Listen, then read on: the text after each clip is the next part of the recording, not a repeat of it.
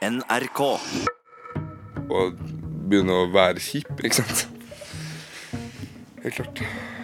Jeg holder opp døra, og Sivert går inn først i det gamle Studio 12.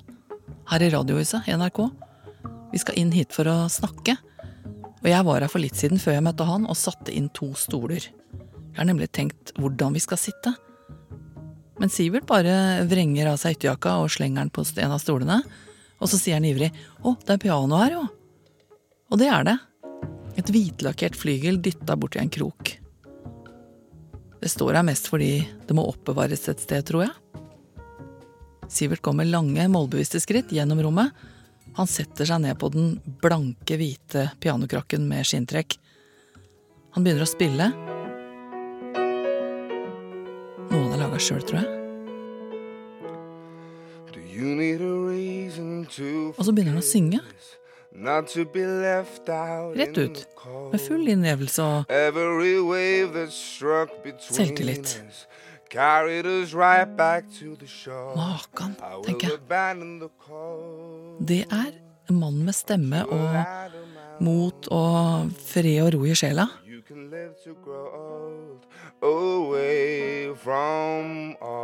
Han er styrt av sin egen indre stemme.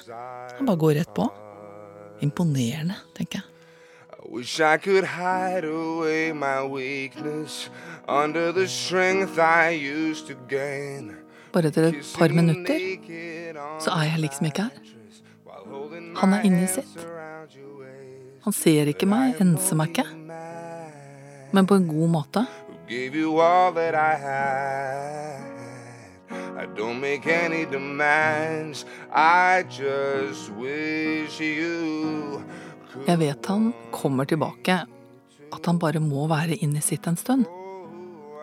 Imponerende, tenker jeg. Sivert er 20 år, og han er nettopp flytta hjemmefra.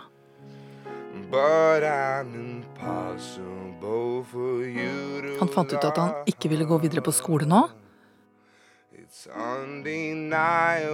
Han jobber med et album, og han skal møte produsenten om en time. De skal i studio.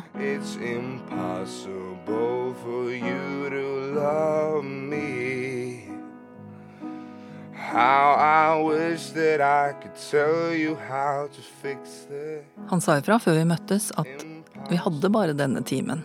Og så må han ta 20-bussen og møte Presis i studio.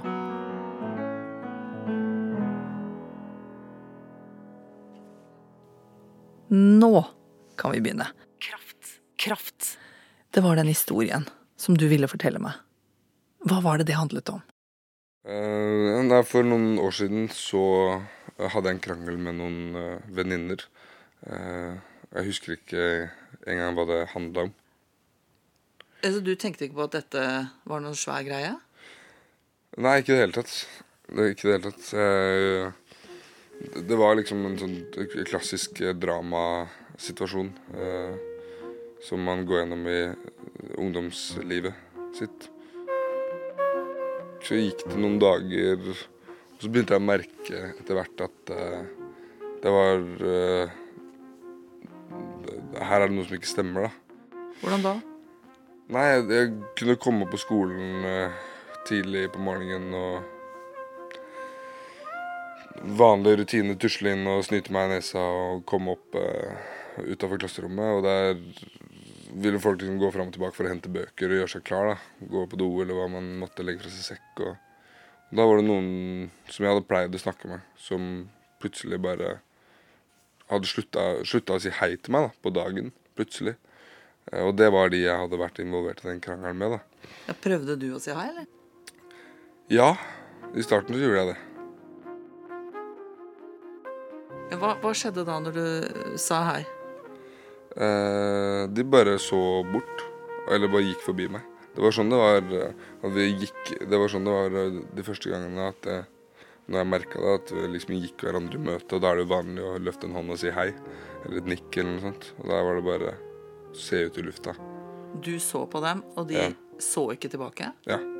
Ja, Hvor så de da? Rett fram, som om jeg ikke var der. Ja. Jeg skjønte jo at det måtte ha et eller annet å gjøre med, med, med den krangelen, eller at de, de, la noe mer i det enn jeg gjorde, da. Eh, men det, for meg så var det liksom ikke stort nok til at, det, at konsekvensen skulle være å ikke se på meg, ikke snakke med meg. Nei, det var ganske tungt. Det å føle meg mislikt, på det.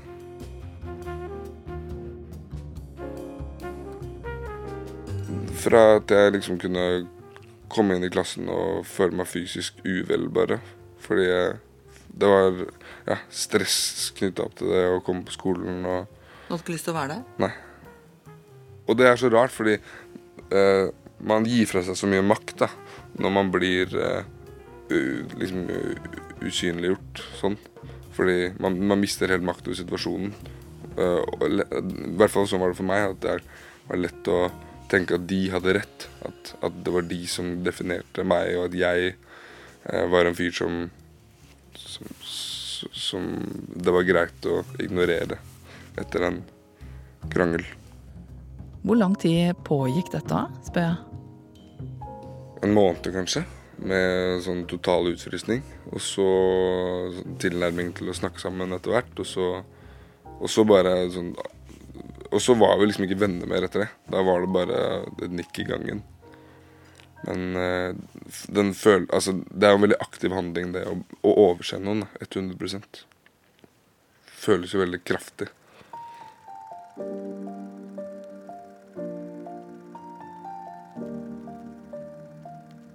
Ja, det føles å bli oversett. Først tror du at det er en misforståelse. 'Hei, jeg er her.' Og det hjelper ikke. Øynene til den du prøver å få kontakt med, er festet et helt annet sted. I veggen, til siden, på noen andre. Once I was seven years old, my mama told me, Go make yourself some friends or you'll be lonely. Once I was seven years old. Mange møter det å ikke bli sett i livet tidlig. Og det er rart at det som ikke er et slag eller et spark, men nærmest det motsatte ingen berøring, ingen blikk, ingenting at det kan være så vondt. Å ikke bli sett. Å ikke bli sett én gang, det tåler du. Du finner på noe annet å være opptatt av. To ganger, det tåler du. Antagelig. Det får gå. Noe må man gjennom i livet. En skuffelse må man ta.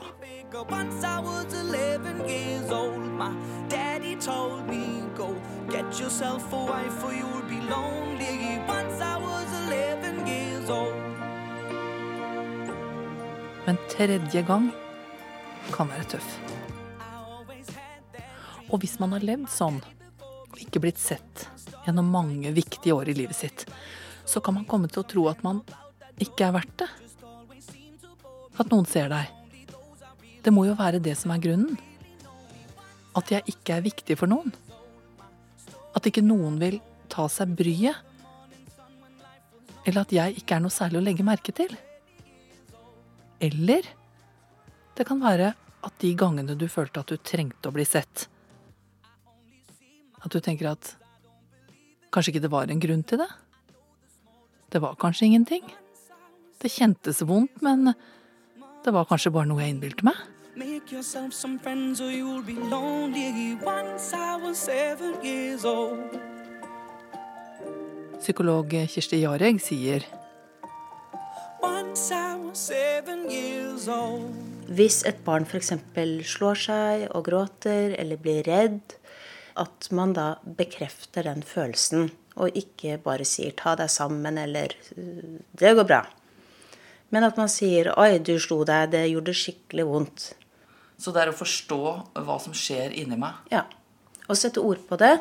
Og på den måten så lærer barn selv da, at, at, de kjenner igjen Å ja, det er den følelsen jeg har nå. Da vet jeg at nå er jeg sint, eller nå er jeg redd. For en del vokser opp, og så er de veldig forvirret i voksen alder med hva de egentlig føler. For det er ingen som har hjulpet dem å, å sette ord på det da, og bekrefte de følelsene. Og så kan man kanskje tenke at det er vel nesten ingenting, det som skjedde med meg nå. Det er veldig ubehagelig, men det er jo ingen som ser det, og det er ingen som kommenterer det, og sånn, så det er vel kanskje ingenting som har skjedd. Ja. Kirsti Jareg har sett dette mange ganger. At man har vendt seg av med å kjenne etter, og ikke er i stand til å finne fram til de følelsene sine. Man eh, har problemer med å rett og slett å identifisere følelser. For følelser er jo en slags kompass, ikke sant? Eller det er en slags eh, eh, Det sier noe om hva vi skal tåle, ikke tåle, hvordan vi har det, da. Og når ingen hjelper til med å fortelle at dette er trist eller uakseptabelt eller vondt, så er det ikke uvanlig at man visker ut følelsen. Så betyr det at det, hvis jeg føler meg sliten eller krenket på en eller annen måte, eller at jeg har slått meg, eller hva som helst, og ingen reagerer, og jeg vil ikke bli sett av noen, så kan jeg jobbe inni meg for at det ikke skal kjennes vondt fysisk eller psykisk eller noen ting. At det Ja. på en måte ikke skjer. Ja. Og da er det jo en del som tar bort Da snakker psykologer om at man tar bort følelser ved f.eks. å spise for mye, eller å ruse seg, eller å trene veldig mye. Alt for å slippe å kjenne på de ubehagelige følelsene, og deale med de følelsene, da. Og jeg, altså, det, fordi ingen ser meg, så tenker jeg det er såpass fælt på en eller annen diffus måte som jeg ikke helt skjønner. Så jeg tror jeg bare tar meg en sjokoladebolle nå. Tar meg en sjokoladebolle eller fem. Eller kanskje litt ekstra snus. Eller bruker 1200 kroner på litt shopping. Noe må gjøres for å døyve den udefinerte følelsen. Og det er ikke noe rart. Noe må man liksom gjøre. Og det er for å trøste seg, for å roe seg ned. Eh, Mens det du egentlig trenger, er jo f.eks. enten trøst eller bli tatt ut av en eh, fæl situasjon, f.eks. Men hvis, ingen, hvis ikke noe skjer, så, så må man jo finne en måte å, å, å ordne opp i selv, da. Kirsti Jareg møter dette ukentlig. Hun jobber som psykolog i organisasjonen Alternativ til vold, og noen ganger så kommer det kjærester inn på kontoret hennes. Og den ene parten kan ha gjort ting som man ikke skal gjøre. Og den andre har tatt imot, men ikke brukt de riktige ordene på det. På en måte omgjort det inni seg, da. Kalt det noe annet. For å holde ut i forholdet. Men tanken har jo vært der at dette kanskje ikke er bra. Men siden ingen har reagert, så har det kanskje vært sånn at jeg har tenkt at det har ikke skjedd. Men når du ser på meg da, med et sånt mildt blikk, så roer det seg på en måte i meg. At jeg skjønner at å ja, det var visst noe som skjedde her. Det var ikke bare jeg som innbilte meg et eller annet. Nei, det er noen andre som sier at den virkeligheten som er inni deg, da, det du har opplevd, det er sant.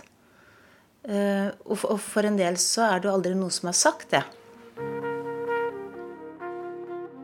Hvis man ikke har blitt sett, ingen har spurt, ingen har lurt på, og så plutselig så er man i situasjonen hvor noen spør og ser deg. Hva skjer da? Da, hvis det er eh, sterke ting man har opplevd, da, vonde ting man har opplevd, så er det jo veldig mange som starter begynner å gråte.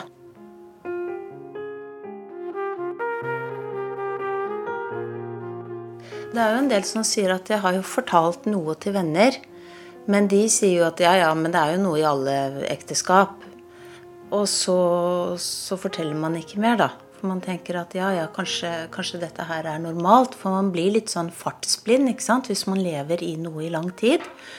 Eh, Men når vi snakker om f.eks. dette her med å gå på eggeskall, da er det veldig mange som kjenner seg igjen at du kommer hjem, og så er det en sånn stemning i huset, og så vet du ikke helt hva skal du si, hva skal du gjøre for at ikke det skal bli bråk. da. Og når vi beskriver den stemningen og går det stresset hvert, hver eneste dag omtrent, så, så Og det at vi kommer og setter ord på det, da, det er eh, For mange så er det første gang de opplever Hva skjer da med det mennesket som ikke har blitt sett før?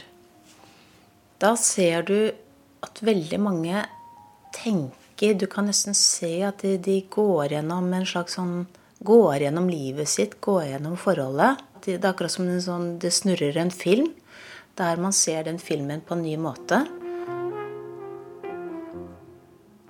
Demningen sprekker. Ja.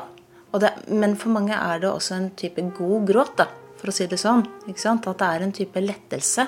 Samtidig så blir det du opplever, mer virkelig.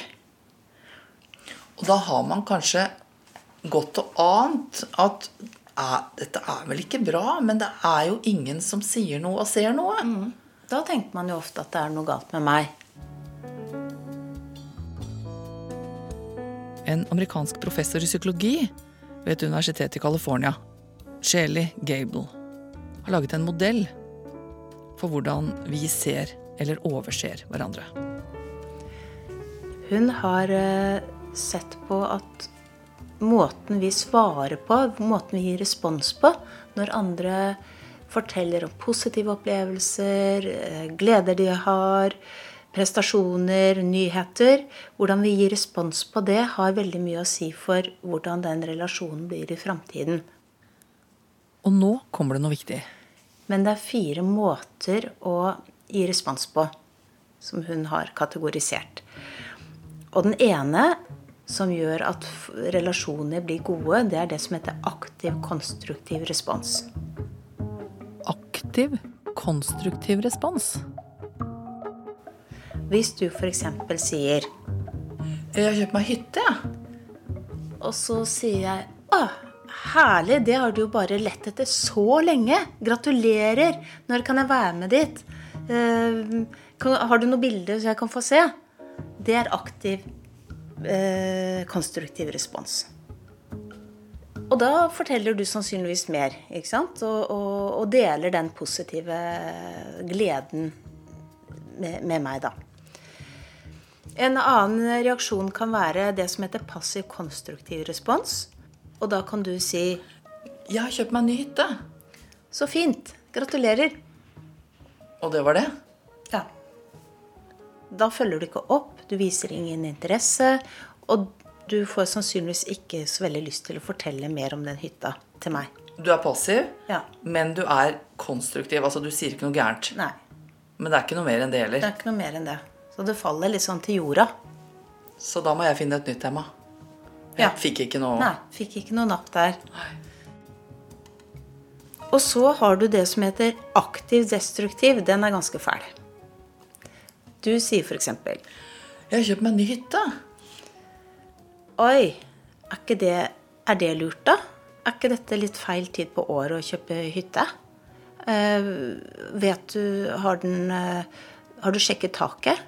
Du vet at ikke det lek, liksom Ja, det er helt har, Jeg grusomt. trodde ikke er, er ikke det litt lang reisevei? Ja. Det er, eh, det er aktiv destruktiv. Og det gjør vi. Så der er du altså både aktiv, Mhm. du står på litt, ikke sant? Du forfølger det, Mhm. men du forfølger det Destruktivt. destruktivt. Ja. Så det er verstingen. ja. Aktiv, destruktiv respons. Det var godt å få et navn på det. Det er alle de folka som du har møtt gjennom livet, som er skeptiske, og som prøver å skjule en misunnelse, kanskje, finne på noen negative ting i det du foreslår eller har tenkt ut, leter etter problemer. Det er jo en del folk som har drevet så mye med det at eh, de ikke vet om noe annet som pakker det inn og kaller det saklighet og sunn kritikk og sånn. Og så har du det som heter passiv-destruktiv. Så hvis du sier Jeg har kjøpt meg hytte, jeg. Du, den trikken Har du, har du trikketidene, for jeg, jeg må rekke et møte nede i byen? Altså, du rett og slett hører ikke hva jeg sier? Nei. Jeg skifter tema. Ja. Ja. Så da er jeg jo rett og slett helt gjennomsiktig. ja. Det er i hvert fall ikke å bli sett. Og det er passivt, Ja. og det er destruktivt. Det er destruktivt. Det er ikke sånn at du påfører den andre masse bekymringer eller sånn, men du rett og slett eh, overser gleden, da. Jeg syns begge de to siste var ganske ferdige. På hver sin måte. Men jeg ble nesten enda mer sint på den aktive destruktive. Ja. Som prøver å liksom dytte meg ned. Ja. Og det den andre som skal ta trikken, Ja. Da tenker jeg bare Hun gidder ikke jeg være noe mer sammen med. Ja. Men da ser du jo ganske raskt at det er noe som er ganske ødeleggende for en relasjon, hvis du tenker det, da. Og en del opplever jo dette ved middagsselskapet, f.eks. At du sitter Hvis du sitter med nye mennesker eh, som ikke kjenner deg, og så prøver du å få til en samtale, og så møter du f.eks. dette, så snur du deg kanskje til sidemannen.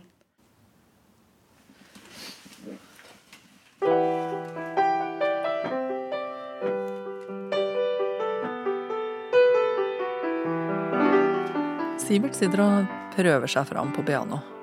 Han leter etter overganger til flere av låtene han skal i studio med.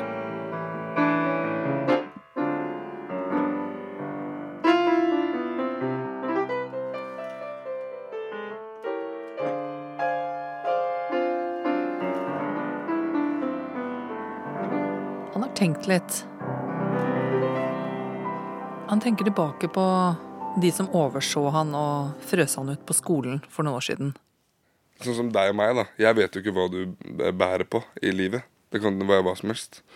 Så, så derfor så mener jeg at jeg har et ansvar egentlig overfor alle mennesker å ikke liksom utøve slemme ting, da, eller fryse ut, eller sånn, for man veit liksom ikke hvordan det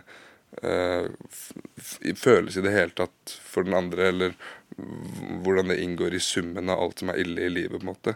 Eh, Mennesker kan ha det veldig, veldig ille og fremstå veldig glade. Jeg tror ikke at Hvis de hadde visst at jeg ble så lei meg, tok det så til meg, så tror jeg ikke de hadde gjort det på den måten. da. For de så en tøff fyr. Ja. Og det var det ikke. Det var det også, kanskje? Det er jo det òg. Man er jo mangefasettert. Sånn tror jeg alle er. Alle vil jo fremstå be, litt tøffere og litt hardere og litt snillere og litt blidere enn det de kanskje egentlig er. Som regel. Vi har jo hatt veldig god tone nå. Ja. Men det er som du sier, du vet jo ikke hva jeg sliter med. Nei. Og derfor skal ikke jeg komme inn her og, og begynne å være kjip, ikke sant. Fordi det, jeg føler at det er litt mitt ansvar. Og Men handler det litt om, om å være litt sånn åpen i møte med et menneske og tenke at ok, her ser vi en kul fyr, eller han heter Sivert, øh, men vi vet jo ikke helt, så nå skal jeg være litt rund og grei, liksom. ja, men jeg, ten- jeg ten- tenker egentlig ikke at det trenger å være så veldig aktiv, en aktiv handling. Det å, å tenke at man skal være rund og god i kantene, og liksom her er det en fyr som virker litt skjør, eller altså Jeg tenker at det er sånn det skal være uansett, litt.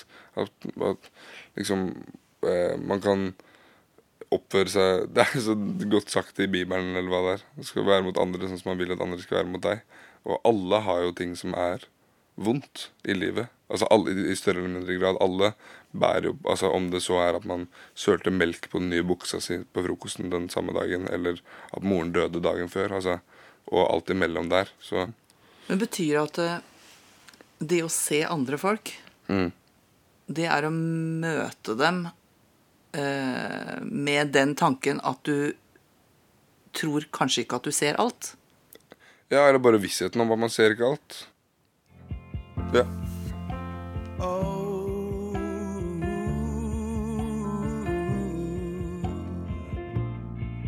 Men hva er det å se en annen? Jeg kan se et annerledes drag over ansiktet til en venn som jeg ikke har sett på en stund.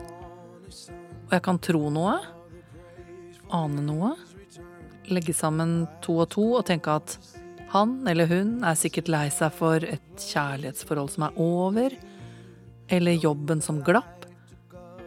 Men jeg kan aldri vite. Jeg har ofte sett at når jeg har møtt et menneske med mine teorier om hvordan han eller hun har det inni seg, så har det ikke stemt.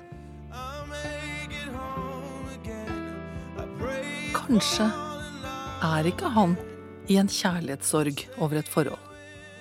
Han er kanskje lettet, men samtidig redd for tomrommet som åpner seg.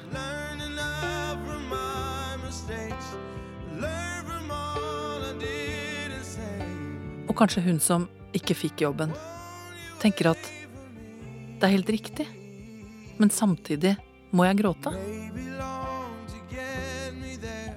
Vi er mangefasettert som Sivert sa. Og når jeg slår det opp, så betyr det ordet flersidet. Flersidet, ikke tosidig. Ikke en forside og en bakside. Vi bærer ulike følelser og ansikter på samme tid. Kanskje jeg skal tenke sånn. Sånn som jeg går rundt i verden med ansiktet mitt nå. Er det mulig å se meg? Eller gjør jeg hva jeg kan for at ingen skal finne fram til meg?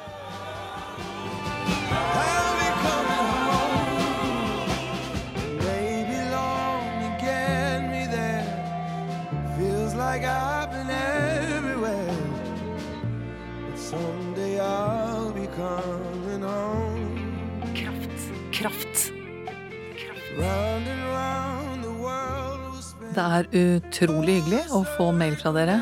og Adressen er eh, kraft. Krøllalfa nrk.no.